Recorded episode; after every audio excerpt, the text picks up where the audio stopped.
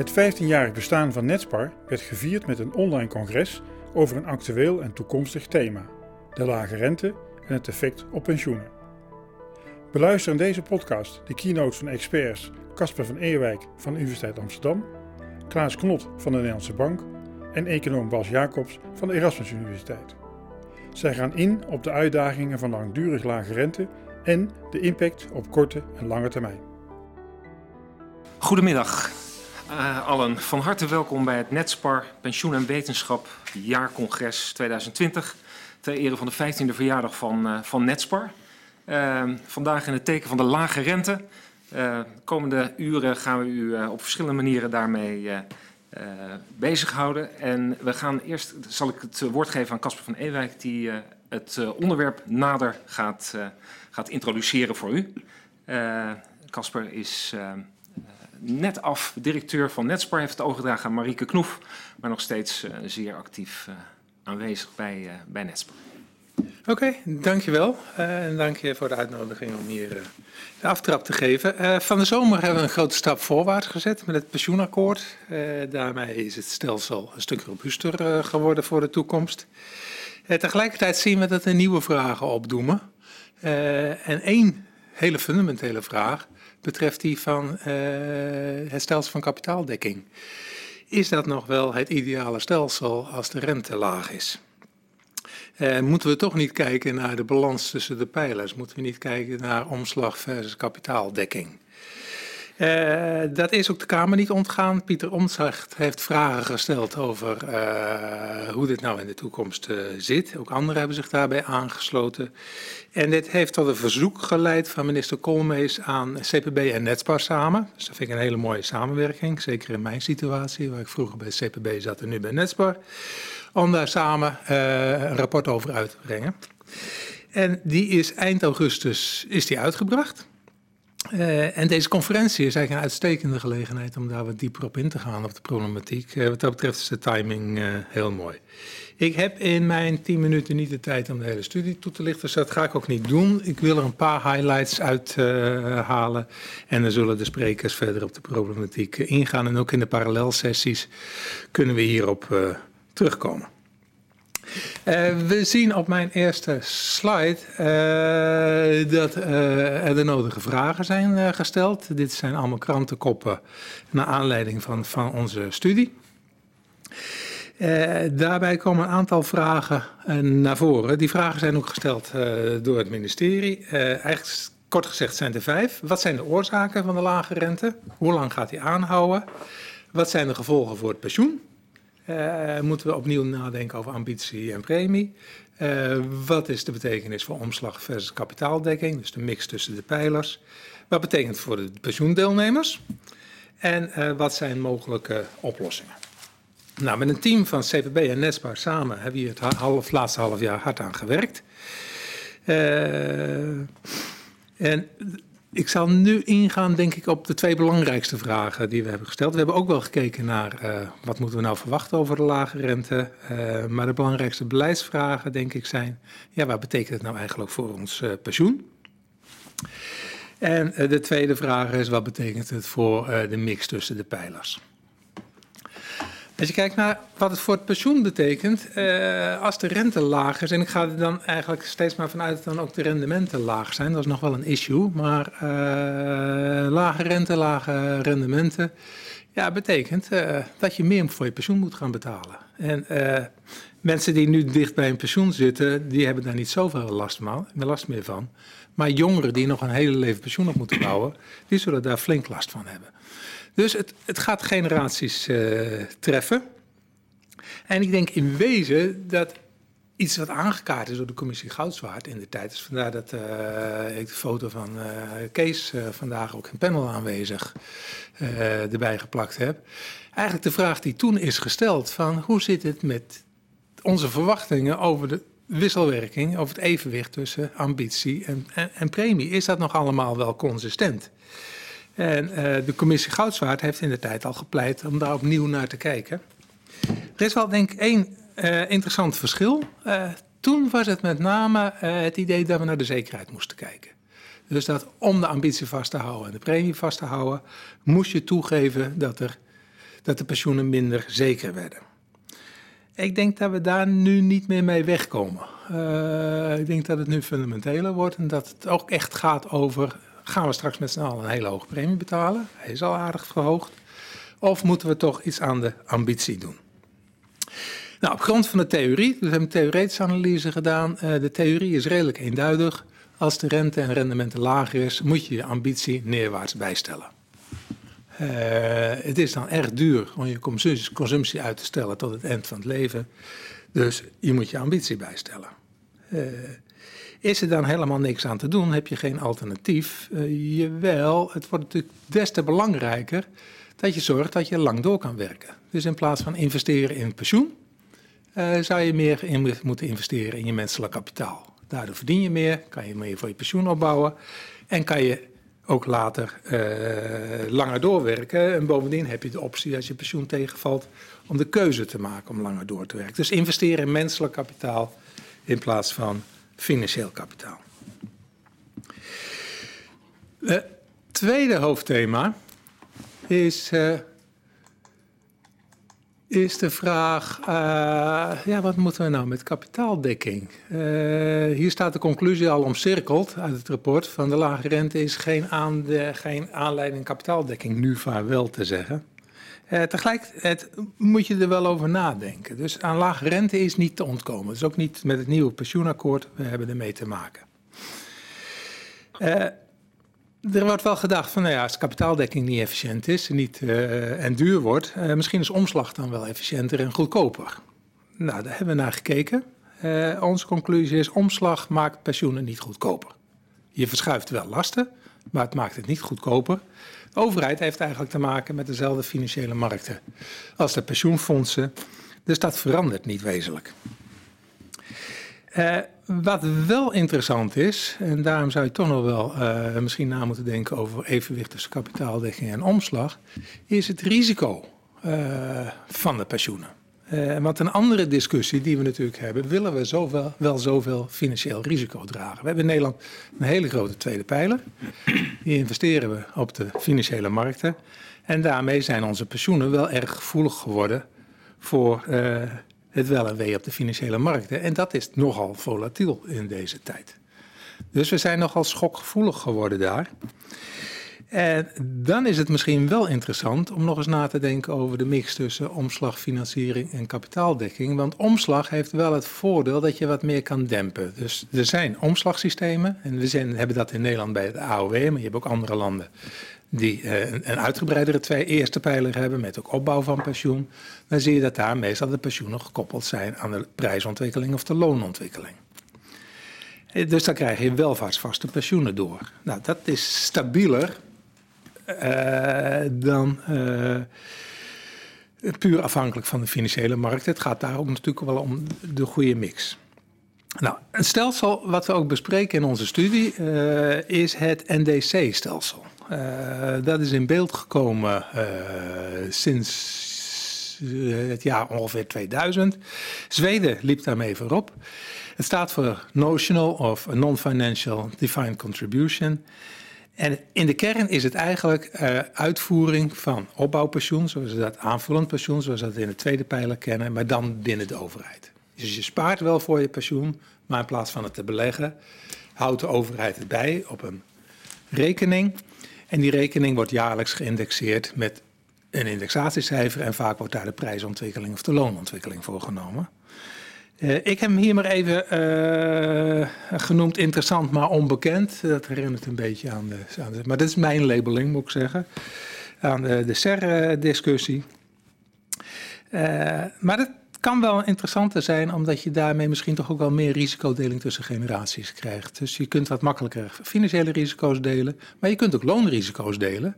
Want op die manier draag je loonrisico's van de jongeren over naar ouderen. Ouderen delen in het loonrisico van de jongeren.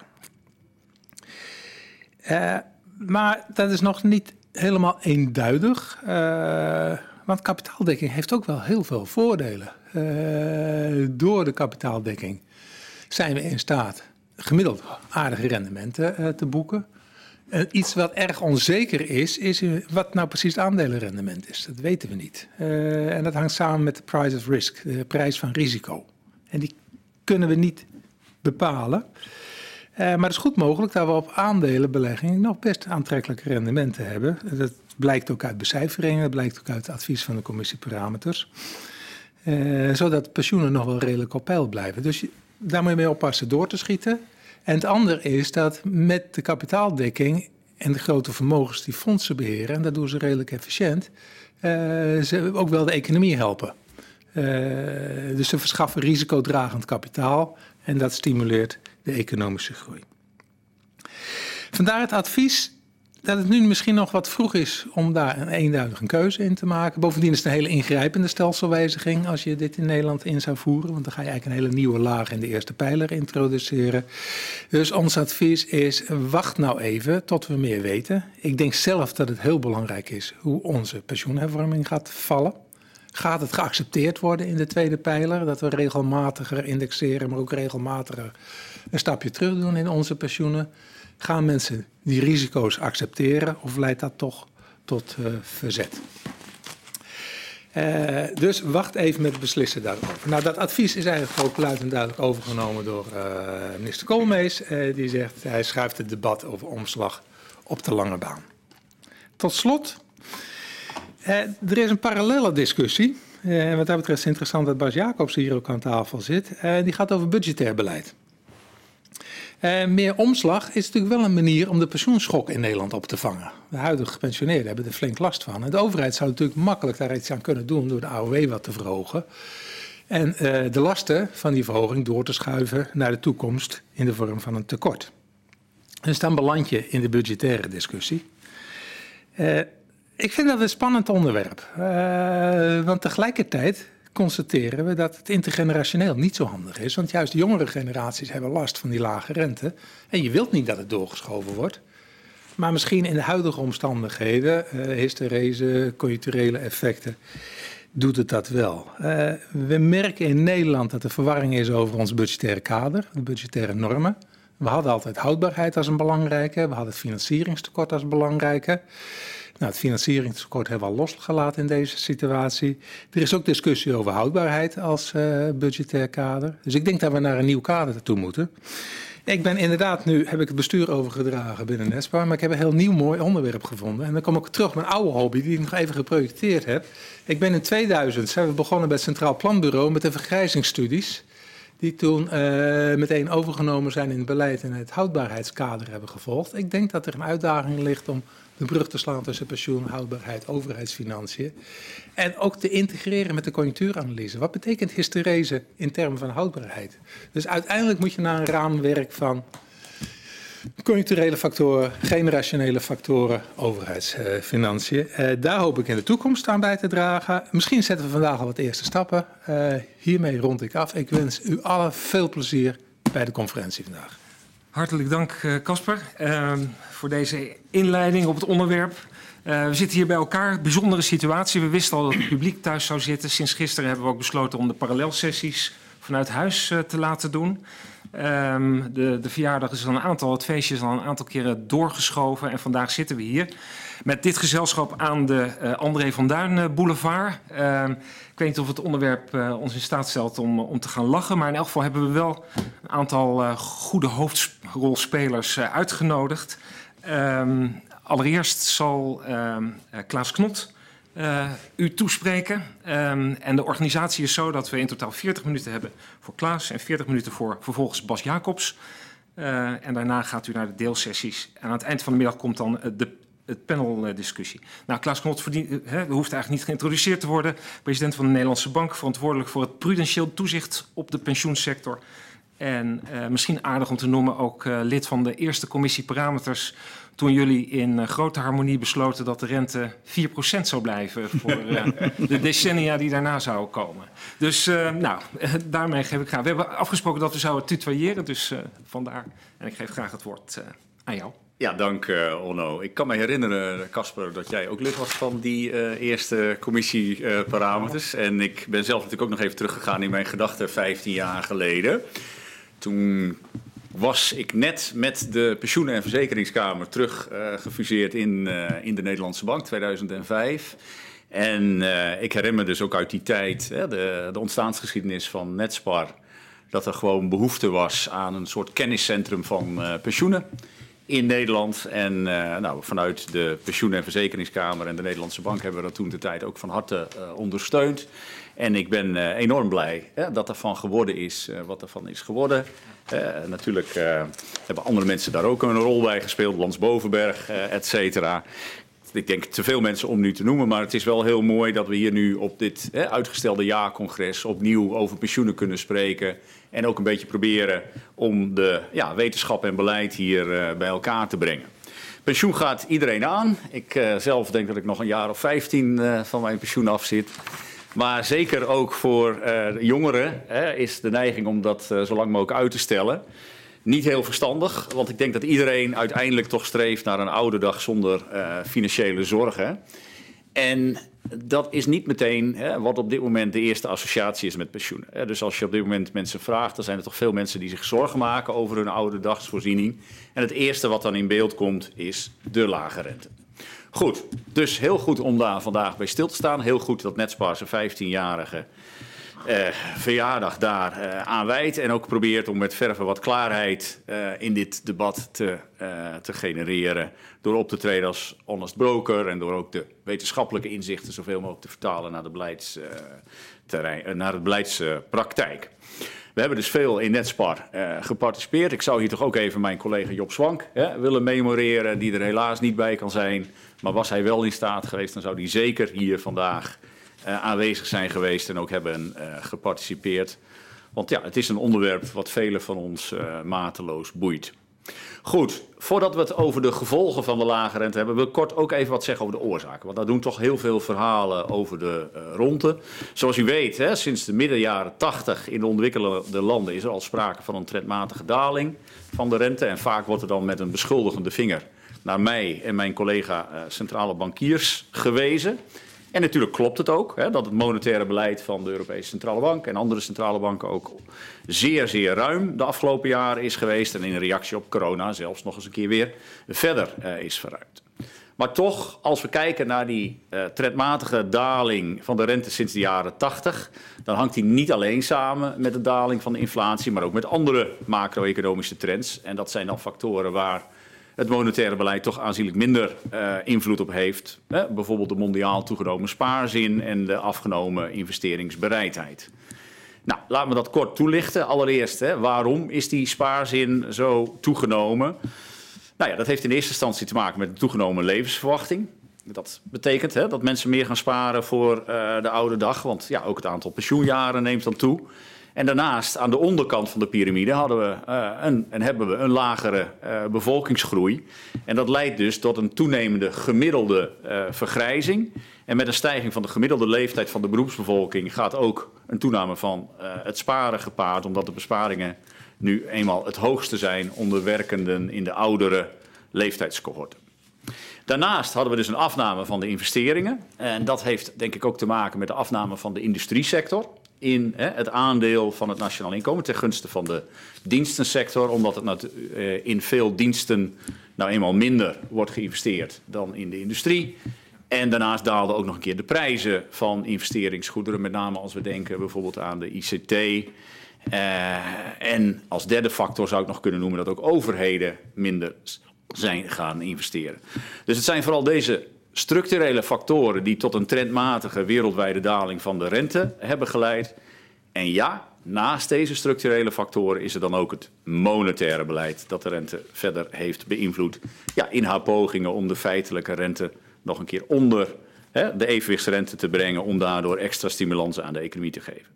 Goed, wat betekent dit? Nou ja, centrale banken bepalen hun beleid op basis van macro-economische ontwikkelingen. De ECB streeft naar een inflatie van onder maar dicht bij de 2% op de middellange termijn. En de inflatie, zowel als de inflatievooruitzichten, bewegen zich al een, behoorlijke tijd onder dat doel. En dus probeert de ECB, net eigenlijk als alle andere centrale banken in de wereld, om de inflatie juist te bevorderen met een ruim uh, monetair beleid. Dat vertaalt zich dan in verlaging van de beleidsrentes. Sinds 2014 is er al sprake van een negatieve uh, beleidsrente. En omdat die beleidsrente het anker vormt voor de andere rentes, de andere korte rente, maar ook de langerlopende rentes, hè, zijn die ook mee uh, gedaald. Daarbovenop heeft de ECB en andere centrale banken zich niet beperkt tot rentebeleid, maar hebben we ook nieuwe instrumenten gezet, zoals aankoopprogramma's, die ook een direct drukkende werking hebben op het langere eind van de uh, rentetermijnstructuur. Om ook te zorgen dat het ruimere monetair beleid zijn doorwerking vindt naar de reële economie, waar he, heel veel burgers en bedrijven nu eenmaal langer, graag langer geld lenen dan alleen uh, de korte uh, periodes. Goed, het afgelopen half jaar heeft de ECB nog een keer extra moeten ingrijpen. Uh, in de eerste plaats om de financieringsmarkten te stabiliseren.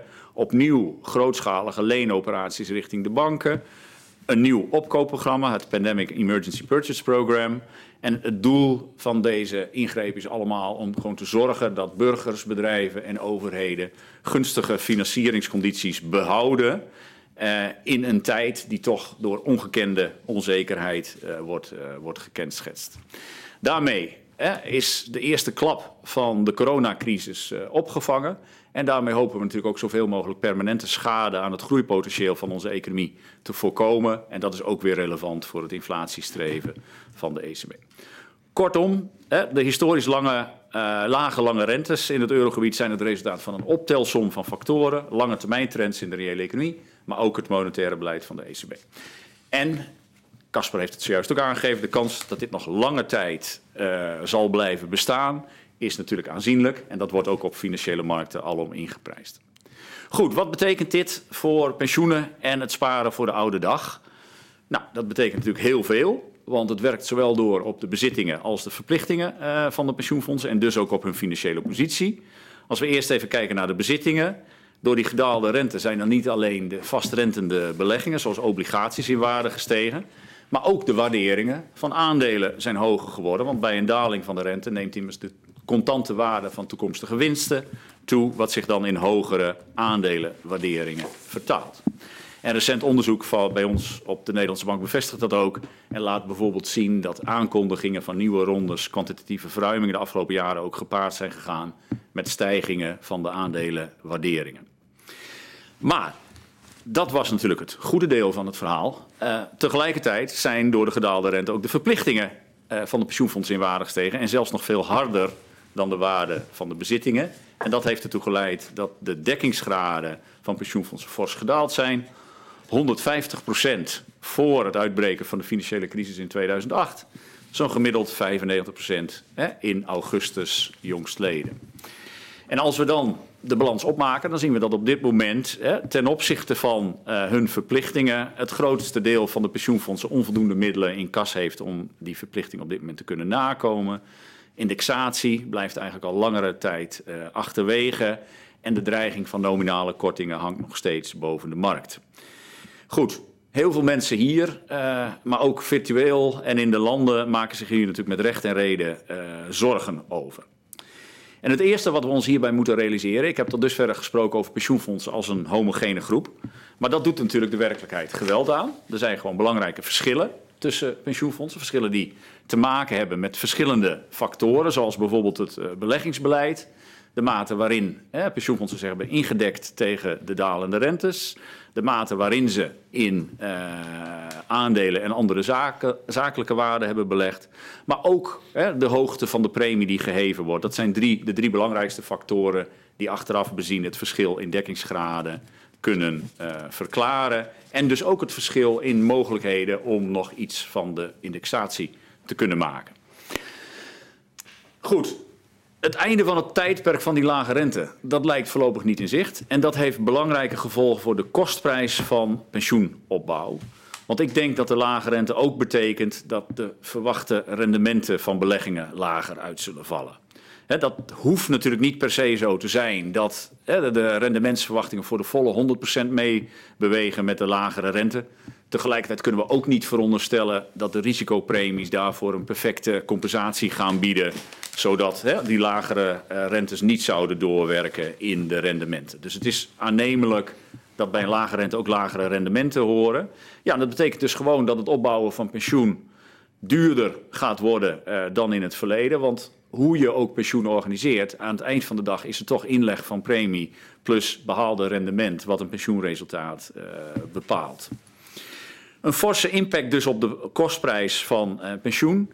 En ik ben het geheel hè, met Casper eens dat eigenlijk het grote vraagstuk op dit moment van die fors hogere kostprijs is van gaan we nu vandaag de dag meer geld opzij zetten om toch te proberen datzelfde pensioen uh, te handhaven? Of nemen we er genoegen mee dat ons toekomstig pensioen wat lager zal zijn, omdat nou eenmaal hè, we niet bereid zijn om die prijs vandaag te betalen?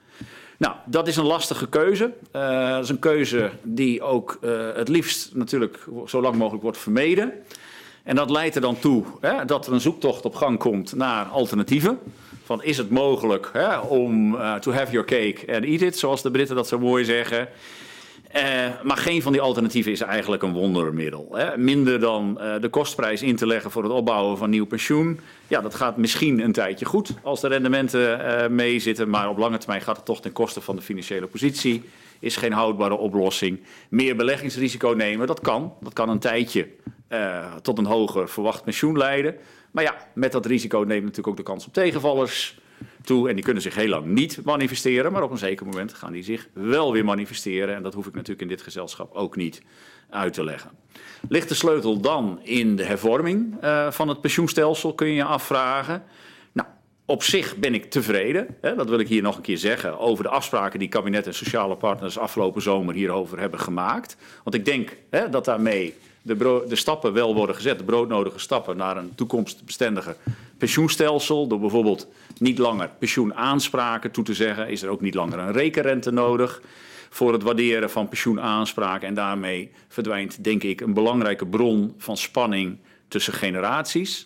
En ook met de afschaffing van de doorsneesystematiek verdwijnt een ja, in onze optiek belangrijke bron van onwenselijke herverdeling eh, tussen jong en oud. En daarmee gaat het stelsel ook beter aansluiten bij een moderne arbeidsmarkt, waar mensen nou eenmaal vaker van baan wisselen en misschien ook wel een deel van hun carrière als zelfstandige aan de slag uh, willen gaan. En dit maakt ook mogelijk om het beleggingsbeleid hè, beter te laten aansluiten op de risico's waar jong en oud aan blootstaan. De risico's die ze willen en kunnen dragen. Zo hè, hoeft dan bijvoorbeeld het renterisico van jongeren niet meer onbedoeld, onverhoopt bij de ouderen terecht te komen. Maar, en dit was een lange aanloop tot een maar, wat ik eigenlijk wilde zeggen. Ook de hervorming van dit stelsel, hoe broodnodig dit ook hè, mogen zijn, is gewoon geen oplossing voor de hoge kostprijs van het pensioen. Ook in een nieuw pensioenstelsel hangt het uiteindelijke pensioenresultaat gewoon weer af van ingelegde premie en behaalde rendement. En daarom is het logisch dat niet alleen binnen dat kapitaalgedekte pensioenstelsel wordt gekeken naar oplossingen, maar dat er misschien ook buiten de tweede eh, pijler wordt gekeken. Is de vraag aangekomen om, hè, is de tijd aangekomen om de balans tussen omslagfinanciering en kapitaaldekking te herzien? Hè, nu omslagfinanciering relatief goedkoper is geworden. Alles is relatief, maar relatief is het goedkoper geworden. Nou, wij denken dat ieder antwoord op deze vraag toch vooral een voldoende lange tijdshorizon in acht moet nemen. Dit is niet iets wat je hè, met een hoge frequentie moet uh, heroptimaliseren. En als je dan niet alleen vooruit kijkt, maar bijvoorbeeld ook even achteruit kijkt en je vergelijkt hè, het rendement op financiële activa met de groeivoet van de economie, dan weten we dat er zowel periodes zijn geweest waarin de ene variabele boven de andere lag, als ook de periodes waarin het omgekeerde gold. Dus met andere woorden, als je in het, het verleden heen en weer had willen bewegen, Dan had je voortdurend op en neer bewogen met de hoeveelheid omslag en de hoeveelheid kapitaaldekking. en eigenlijk leidt dat dan tot de conclusie dat het combineren van beide, want laten we niet vergeten, als wij over pensioenen spreken, zijn we altijd geneigd het over de tweede pijler te hebben. Maar voor het overgrote deel van de pensioendeelnemers is natuurlijk de eerste pijler veel belangrijker dan de tweede pijler. Juist het combineren daarvan leidt tot het spreiden van risico's. zowel politieke als demografische risico's, maar ook financiële en productiviteitsrisico's.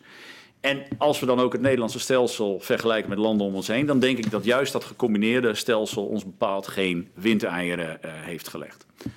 De armoede onder ouderen is in ons land laag, is lager dan bijvoorbeeld armoede onder andere leeftijdsgroepen in Nederland. En is ook lager dan armoede onder, andere, uh, onder ouderen in omringende uh, landen. Het is dus hè, de diversificatie waarvan ik geloof dat een van de krachten van ons stelsel ligt. Maar goed, dan kun je nog steeds daarbinnen natuurlijk wel kijken naar de verhouding uh, tussen beide pijlers. En de gedachte om met die verhoudingen wat in te spelen op de verandering in de kostprijs van verschillende vormen, oogt natuurlijk sympathiek. Maar ook hier denk ik toch hè, dat je niet over één nacht ijs moet gaan. Hè, ze kunnen leiden tot herverdelingseffecten tussen generaties, bijvoorbeeld het direct verhogen van de AOW. Dat zou vooral de huidige, de huidige, huidige gepensioneerde generaties profijt geven. Maar de lasten daarvan zullen weer door uh, toekomstige generaties moeten worden gedragen. En ook werkt een aanpassing van de AOW door op de arbeidsmarkt. Hè, doordat het recht op de AOW is niet gekoppeld aan het arbeidsverleden van iemand. En ook bij een grotere eerste pijler is denk ik ook een winstwaarschuwing op zijn plaats. Voor zover die lagere rente samengaat met een lagere groei van de beroepsbevolking bijvoorbeeld, is ook het rendement op omslagfinanciering lager dan in het verleden het geval was. Kortom, ik kom eigenlijk steeds weer terug bij mijn belangrijkste conclusie: dat het sparen voor de oude dag, linksom of rechtsom, gewoon duurder is geworden. En daar is eigenlijk geen, uh, geen ontsnappen aan. Goed, laat ik afronden. Hè om het debat over de gevolgen van de lage rente op ons pensioen in het juiste perspectief te plaatsen, denk ik dat we eerst even goed moeten inzoomen op de oorzaken van de lage rente.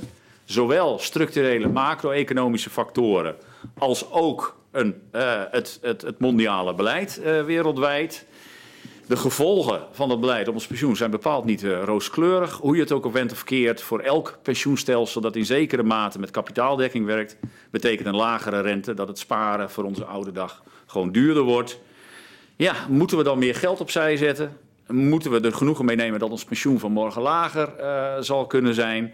Ik denk dat een makkelijke oplossing voor dat vraagstuk er gewoon niet is. Heeft ook te maken met preferenties.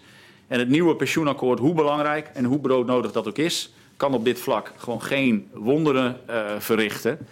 En dus is er denk ik ook heel veel gelegen aan een hele zorgvuldige communicatie hierover. Een informatieplicht, hè, of dit pensioen nu dichtbij of ver af ligt. Ik denk dat iedereen gebaat is bij een klare kijk op de te verwachte hoogte van het pensioen en de bijbehorende onzekerheden. En dat geldt zeker ook voor de jongste generaties, die natuurlijk pas net begonnen zijn met het opbouwen van hun uh, pensioen. En die toch ook inzicht moeten hebben in het correcte vertrekpunt voor die lastige afweging voor hoeveel pensioen we willen opbouwen en hoeveel we bereid zijn daarvoor te betalen. Nou, laat ik dan afsluiten door te zeggen dat ik ervan overtuigd ben dat dit vraagstuk in de komende 15 jaar niet weggaat. uh, en dat ik er ook van overtuigd ben dat in de komende 15 jaar Netspar in dit debat een even nuttige rol zal blijven spelen dan ze de afgelopen 15 jaar heeft gespeeld. Dank. Klaas, eh, heel hartelijk dank uh, zover. Ik, uh, ik, blijf nog even zitten, ook om uh, naar de volgende spreker te luisteren. Bas Jacobs, hoogleraar aan de Erasmus Universiteit Public Policy. En ik geef je graag het woord de komende 20, 25 minuten om ons mee te nemen. Dankjewel. allereerst zeer veel dank voor de uitnodiging om hier te komen spreken. Ook ik ben in de beginjaren verbonden geweest aan Netspar. Uh, ik kan me daar nog zeer levendig herinneren dat we in 2006 een conferentie hadden. De, ook een Netspar-conferentie waarop Wouter Bos zijn zijn beroemde Netspar-speech hield, waarin hij pleitte voor het fiscaliseren van de AOW.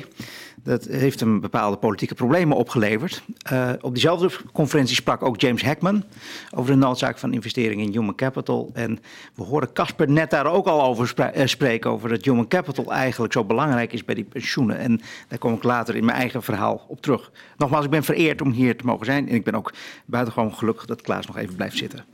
Um, kan ik naar mijn slides? Vraag ik de organisatie. Ik zie daar iets verschijnen. Oh joh, dan moet ik uh, de hele tijd om gaan kijken. Om... Ah, nu ja, zie ik ze ook gelukkig ja. achter Casper. Um, het gaat over de lage rente. En ik wil het uh, vooral eerst hebben over van hoe ik naar de macro-economie kijk. Want volgens mij zit zeg maar, conjunctuur en structuur nu met elkaar verknoopt. Via het vraagstuk van langdurige stagnatie. Eigenlijk rentes zitten op de ondergrens en dat zorgt voor allerlei vragen. Uh, ook rond monetair beleid. Hoe effectief is dat? begrotingsbeleid, Casper noemde het net al, uh, en de pensioenen. En ik probeer in een noodtempo uh, deze vier onderwerpen te bespreken. Gelukkig hebben de voorgaande sprekers al heel veel gezegd wat ik zelf had willen zeggen, dus ik kan opschieten. Klaas noemde het al. De rente is al een jaar of veertig aan het dalen. En die rentes op staatsobligaties zijn op dit moment voor alle looptijden negatief. En u ziet ook in het gearseerde blok dat, dat kwantitatieve verruiming, de QE-periode, maar een zeer beperkt effect heeft gehad op de rente. Ik ben zelf nogal sceptisch over hoe krachtig het monetair beleid nog op dit moment is. Ik denk dat het wel iets aan effecten heeft, maar uh, niet zo sterk als de ECB zelf, wil, uh, uh, zelf aangeeft dat het, dat het is. En, maar daar zal ik zo meteen op terugkomen. En dat daarmee ook de rendementen van pensioenfondsen uh, in mindere mate bepaald worden door het monetair beleid. En juist door die structurele factoren, uh, dalende investeringen, moderne economieën die draaien veel meer op IT dan op machines. vergrijzing, er wordt meer gespaard, maar ook daardoor minder geïnvesteerd. de ongelijkheid in de wereld, dat is een ding wat Klaas niet noemde. als de inkomens- en vermogensongelijkheid toeneemt, zie je dat de spaarquotes toenemen. daarnaast zit er natuurlijk ook een enorme behoefte aan risicovrije beleggingen, waardoor die risicovrije rentes omlaag gaan. Um, dit zorgt voor een groot probleem in de macro-economie. Uh, de rentes zitten al sinds 2014 zo ongeveer op de ondergrens uh, van nul, of zelfs licht negatief. En dat is al uh, jarenlang zo. Monetair beleid heeft eigenlijk geen controle meer over de rentes in de economie. Want zolang we in een geldeconomie zitten, wordt er, is er altijd één rente op één asset die nul is, en dat is op cash. En dat betekent dat rentes in de economie op obligaties of op spaartegoeden wel iets onder nul kunnen zakken, maar niet te veel, want dan krijg je massale arbitrage. Het is natuurlijk heel erg onpraktisch om allerlei betalingen te doen met cash en uh, beveiliging en verzekeringskosten, maar het kan dus wel iets onder nul, niet te veel. En dit brengt mij bij het grootste vraagstuk, denk ik, in de macro-economie van dit moment en daarmee ook voor wat er gebeurt met de pensioenresultaten. En dit vraagstuk dat probeer ik, dat gaat over langdurige stagnatie. Uh, dat, gaat over van een, dat gaat over een economie waarbij die ondergrens op die rente langdurig bindend is, waardoor eigenlijk de rente niet meer zijn rol kan vervullen om evenwicht te brengen in de macro-economie tussen vraag en aanbod. Nou, dit vraagstuk probeer ik al een jaar of zes bij Nederlandse beleidsmakers uh, tussen de oren te krijgen. En daar slaag ik maar zeer beperkt in. En ik doe vandaag nogmaals een poging. Um, ik neem hier het tekstboekmodel. Dus dit is alleen maar ter illustratie van het centrale idee wat hierachter zit. Een tekstboekmodel van een markt waarbij je neem een markt voor brood waar er aanbod is en waar de vraag is. Aanbod stijgt in de prijs, uh, vraag daalt in de prijs met een minimumprijs. De overheid legt een minimumprijs voor brood op. Op dat moment krijg je meer aanbod dan vraag. Uh, bakkers gaan broden bakken. Uh, mensen vinden het te duur om te kopen bij die prijs. Dus er is een vraagtekort of een aanbodoverschot. Nou, dit is micro-economie, dit snapt iedereen, maar dit probleem speelt zich op dit moment ook af in de macro-economie. Want de rente is namelijk een prijs die op de vermogensmarkt tot stand komt, waarbij aanbod en vraag gelijk aan elkaar moeten zijn. En nu is het op dit moment het geval dat de natuurlijke evenwichtsrente, R ster, uh, de natuurlijke rente in de economie onder nul ligt. En dat betekent dus dat er eigenlijk relatief meer aanbod dan besparingen, uh, dan, uh, dan vraag op de kapitaalmarkt is. Meer besparingen dan investeringen, waardoor we eigenlijk met een soort chronisch spaaroverschot zitten. En dit is eigenlijk al het probleem, denk ik, uh, sinds 2008. Uh, misschien is het zelfs al langer het geval. Larry Summers die zegt dat we al in de aanloop naar de vorige crisis zo'n overvloedig hoeveel besparing in de wereld hadden, dat het heeft geleid tot die financiële uh, bubbelopbouw die crashte in de huizen en de vermogensmarkten en dat daarna die, die crisis volgde. Hoe dan ook. Wat gebeurt er nu als we in een crisis terechtkomen? Nou, dat, normaal gesproken zou je verwachten dat als de vraag in de economie daalt, bijvoorbeeld door een financiële crash in 2008 of nu door corona, dat de natuurlijke rente gaat dalen om vraag en aanbod in de economie weer bij elkaar te krijgen. Merk op, dit diagram is eigenlijk het spiegelbeeld van wat ik net heb geschetst op de vermogensmarkt. Via, zeggen economen, de wet van Walras zal, als de vermogensmarkt in evenwicht is, ook de goederenmarkt in evenwicht komen. De rente moet zorgen dat er meer lagere rente na een schok moet ervoor zorgen dat er meer geconsumeerd, meer geïnvesteerd en via een depreciatie van de wisselkoers meer geëxporteerd wordt, zodanig dat we de vraag in de economie weer bij het aanbod krijgen. Nou, dit is het, zeg maar, neoclassieke tekstboekmodel, maar dat gaat dus nu op dit moment mis. Nou, dus door langdurige stagnatie, die, die langdurige uh, zeg maar, aanbodoverschotten ten opzichte van de vragen in de economie, hebben we na een schok eigenlijk onvoldoende aanpassingsmechanismen om te zorgen dat de economie zich herstelt en waardoor we een vraag-economie, uh, vraagtekort in de economie houden. Nou, dit, dit fenomeen, dit, dit zien we al jaren, maar dat wordt door corona, en zeker op korte termijn, niet minder. En dit was ook de achtergrond van de vraag die ik net aan Klaas stelde. Dat, uh, dat vraagtekort blijft in ieder geval de komende jaren aanhouden. En dus de ondergrens binden en dit heeft allemaal consequenties. Uh, ook die, uh, die risicovolle beleggingen hebben hiermee te maken. Je zou kunnen zeggen dat die secular stagnation is een langdurig aanhoudende liquiditeitsval. Of je zou het zelfs een veiligheidsval kunnen noemen. Want er is een tekort aan veilige beleggingen. In die vorige crisis zijn er natuurlijk heel veel veilige beleggingen er ook opgegaan door hypotheken die niet veilig bleken te zijn of obligaties. Ook Klaas noemde net al dat niet alle obligaties even, even risicovrij zijn. Maar er is ook heel veel vraag naar veilige assets van pensioenfondsen, banken en verzekeraars.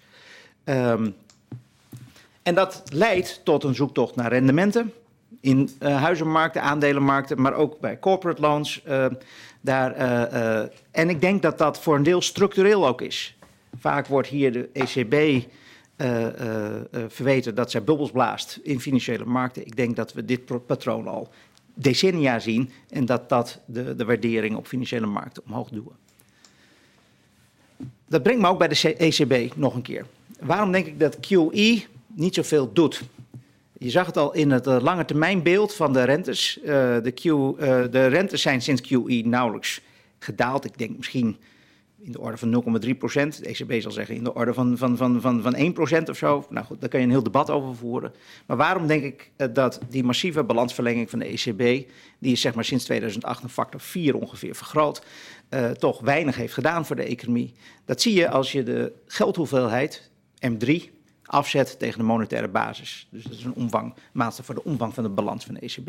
En dat doe ik sinds 2015. Dan normaliseer ik uh, de index van de monetaire basis en de balans van de ECB op één. En dan zie je dus dat die balans van de ECB enorm hard oploopt, uh, maar dat de geldgroei nauwelijks stijgt. Gaat wel iets omhoog, daarom denk ik dat het wel iets effect heeft. Maar al die liquiditeit die de ECB heeft gecreëerd, is vooral in het financiële systeem zelf blijven hangen en niet echt de economie ingegaan. Dan was M3 wel gestegen. Dit plaatje vind ik een heel belangrijk plaatje, maar dat, dat wordt zelden getoond. Ook journalisten die zeggen de hele tijd de ECB pompt miljarden in de economie. Nou ja, dat blijft vooral in het financiële stelsel hangen. Blijkt hieruit. Ik denk ook dat kwantitatieve verruiming slecht begrepen wordt. Want alleen door hogere inflatieverwachtingen of imperfecties in de financiële markten kan je daarmee uh, de rentes uh, uh, drukken. Maar als je aan je mandaat blijft vasthouden als je niet wil committeren aan meer dan 2% inflatie als de rente weer positief wordt. Als je geen uh, helikoptergeld of allerlei andere vormen van uh, zeg maar zeer radicaal monetair beleid uh, voor zou stellen, denk ik niet dat QE heel weinig effect heeft. Uh, en bovendien al die andere dingen, kwalitatieve verruiming, andere, obliga uh, andere soort obligaties kopen dan overheidsobligaties, bijvoorbeeld uh, bedrijfsobligaties of andere. En die twistoperaties, je gaat op het lange eind van de yield curve zitten, doen weinig, in ieder geval in theorie, als die financiële markten goed werken. Want wat de ECB doet, is eigenlijk via haar activa kant de passiva kant van de private sector beïnvloeden. En als Modigliani Miller opgaat, dan leiden veranderingen in de passiva kant van de private sector niet tot verandering in de reële sfeer. En uh, dus het gaat erom dat Modigliani Miller eigenlijk niet opgaat en dus dat je grote imperfecties nodig hebt in de financiële markten om te argumenteren dat twistoperaties, kwalitatieve verruiming, dat soort dingen grote effecten hebben gehad. Dus uh, mijn conclusie is dat QE nauwelijks veel effecten kan hebben gehad. Dat het vooral een heel erg reëel fenomeen is wat we op dit moment zien.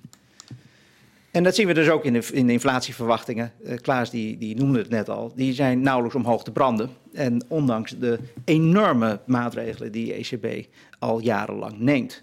En uh, dus dit zijn de vijf jaar, vijf jaar inflatieswaps. Dit is de gemiddelde inflatie die markten verwachten. Vijf jaar vanaf nu in de vijf jaar die daarop gaan volgen. En dan zie je dat dat nauwelijks, nauwelijks in beweging te krijgen is. Dus wat gaat nu corona doen? Dus hier begin ik met mijn twee scenario's. Want ik denk dat dat gaat bepalen hoe we ook naar de pensioen- en het begrotingsbeleid moeten kijken. We zien nu zowel een aanbod als een vraagdaling in de gesloten sectoren. De overheid kondigt beperkingen aan. Mensen die uh, uh, naar theater willen gaan, kunnen dat nu niet. De vraag en het aanbod zijn simultaan afgesloten. Daarnaast treedt er ook vraagdaling in de rest van de economie op. Door pessimisme. Mensen willen minder investeren, minder consumeren. En uh, uh, liquiditeitsbeperkingen worden heftiger. We krijgen minder makkelijk krediet, dat soort dingen. En nou ja, dat wordt niet gecompenseerd doordat iedereen nu naar de bouwmarkt gaat of uh, online van alles gaat bestellen. Dus netto is dan de vraagdaling groter dan de aanboddaling. Dat blijft die rente laag houden. Dus er zijn niet alleen structurele effecten. Het is ook nu corona, wat ik denk dat de komende jaren de rente laag houdt. De middellange termijn, we hadden het er net over gaat hysterese waarschijnlijk optreden en dan kan er een deel van het aanbod beperkt worden. Als die beperking van het aanbod uh, uh, uh, relatief groot is, dan kan het zo zijn dat de rente weer gaat stijgen. Dan wordt die, wordt die aanbod in die economie zodanig afgeknepen. Dat kan bijvoorbeeld door de waardeketens breken, doordat allerlei dingen gebeuren met toeleveringen en dat soort zaken, waardoor we uiteindelijk minder kunnen maken. Ook mensen die werkloos raken, bedrijven die niet investeren, uh, technologie die niet ontwikkeld wordt, leidt allemaal dan op lange termijn tot minder aanbod. Nu kan het ook zo zijn dat de vraagdaling groter blijft dan de aanboddaling. En dan blijven we in het, in het, zeg maar, secular stagnation scenario hangen. Met hele lage groei, hele lage rentes, hele lage inflatie, heel ruim monetair beleid. En dan blijft eigenlijk de wereld zoals we die afgelopen zeg, acht jaar hebben gezien. Dus als je het grafisch wil voorstellen, dan zien we dus twee dingen. We zien een aanbod- en een vraagschok. Uh, als nu de vraagschok groter is dan de aanbodschok, dan blijven negatieve natuurlijke rente houden. Blijft het scenario voor secular stagnation de basis. Ik denk dat dit het meest kansrijke scenario nog steeds is. Als ik er een getal op moet plakken, nou ja, misschien 70, 80 procent. Maar ik wil niet uitsluiten dat corona zoveel schade gaat aanrichten in de economie. dat we een zo'n grote aanbodschok krijgen. En die groter wordt dan de vraagschok. En dat we uiteindelijk weer een positieve natuurlijke reële rente krijgen. En op dat moment wordt het heel veel van de productiecapaciteit kapot gemaakt. We worden veel armer. Maar je zou kunnen zeggen dat uh, het, het, geluk bij dit grote ongeluk is dat je weer in een normale wereld terechtkomt. Qua monetaire politiek. Nou, wat we nu zien is dat de begrotingsregels eigenlijk haar ankers verliezen. Casper die preludeerde daar ook al op. Als die rentes onder de groeivoet van de economie komen, dan is iedere schuld houdbaar. Dit is een variant ook weer van die Aaron-conditie. Casper, ik zie Casper al nee schudden. Casper uh, en ik hebben daar al uh, enige discussies over gehad. Um, hij kan heel hard nee schudden. Dat, uh, ik ga toch mijn verhaal vertellen, waarom ik het denk dat het wel is. die houdbaarheidssommen die, die imploderen en dat heeft te maken met een, een discussie over de discontovoet. En die discussie is niet klaar. Want ik vind dat je niet zonder meer een risicopremie op de discontovoet kan zetten. Uh, begrotingsbeleid zal ik even overslaan omwille van de tijd. Um, dan tot slot iets over de pensioenfondsen. We zien natuurlijk die dekkingsgraden enorm gekelderd en eigenlijk niet herstellen sinds de crisis van 2008. En ook hier uh, heb je die discussie over die ARON-conditie, die rente, nominale risicovrije rente, is, is nu nul voor al die overheidsschulden. En als je een structurele reële groei van de economie hebt van 1,5% en een inflatie van 1,5%, dan heb je een nominale groei van ongeveer 3 en dan is het verschil min 3%. En dat leidt tot een hele fundamentele discussie of die economie nog wel dynamisch efficiënt is. En eigenlijk, uh, wat Casper net in zijn inleiding al zei, en dat is ook dat CPB-netspar-document, uh, uh, zegt hij van ja, als we nu meer omslagfinanciering zouden introduceren, dan levert dat niks op. Maar ik denk dat dat, dat, dat niet een goede conclusie is. Want ik denk dat nu het rendement op investeren in human capital, in de groeivoet zeg maar, van die economie, nu hoger ligt dan op financieel kapitaal. En uh, ik denk dat wel degelijk die discussie over de financiering van, pensioenfonds, uh, van, van, van, van kapitaaldekking versus omslagfinanciering gevoerd moet worden. Ik zeg niet dat we alleen maar kapitaaldekking moeten hebben. Ik zeg ook niet dat we alleen maar omslagfinanciering moeten hebben. Maar ik denk wel dat het nu heel inefficiënt is op het moment is dat we blijven vasthouden aan kapitaaldekking.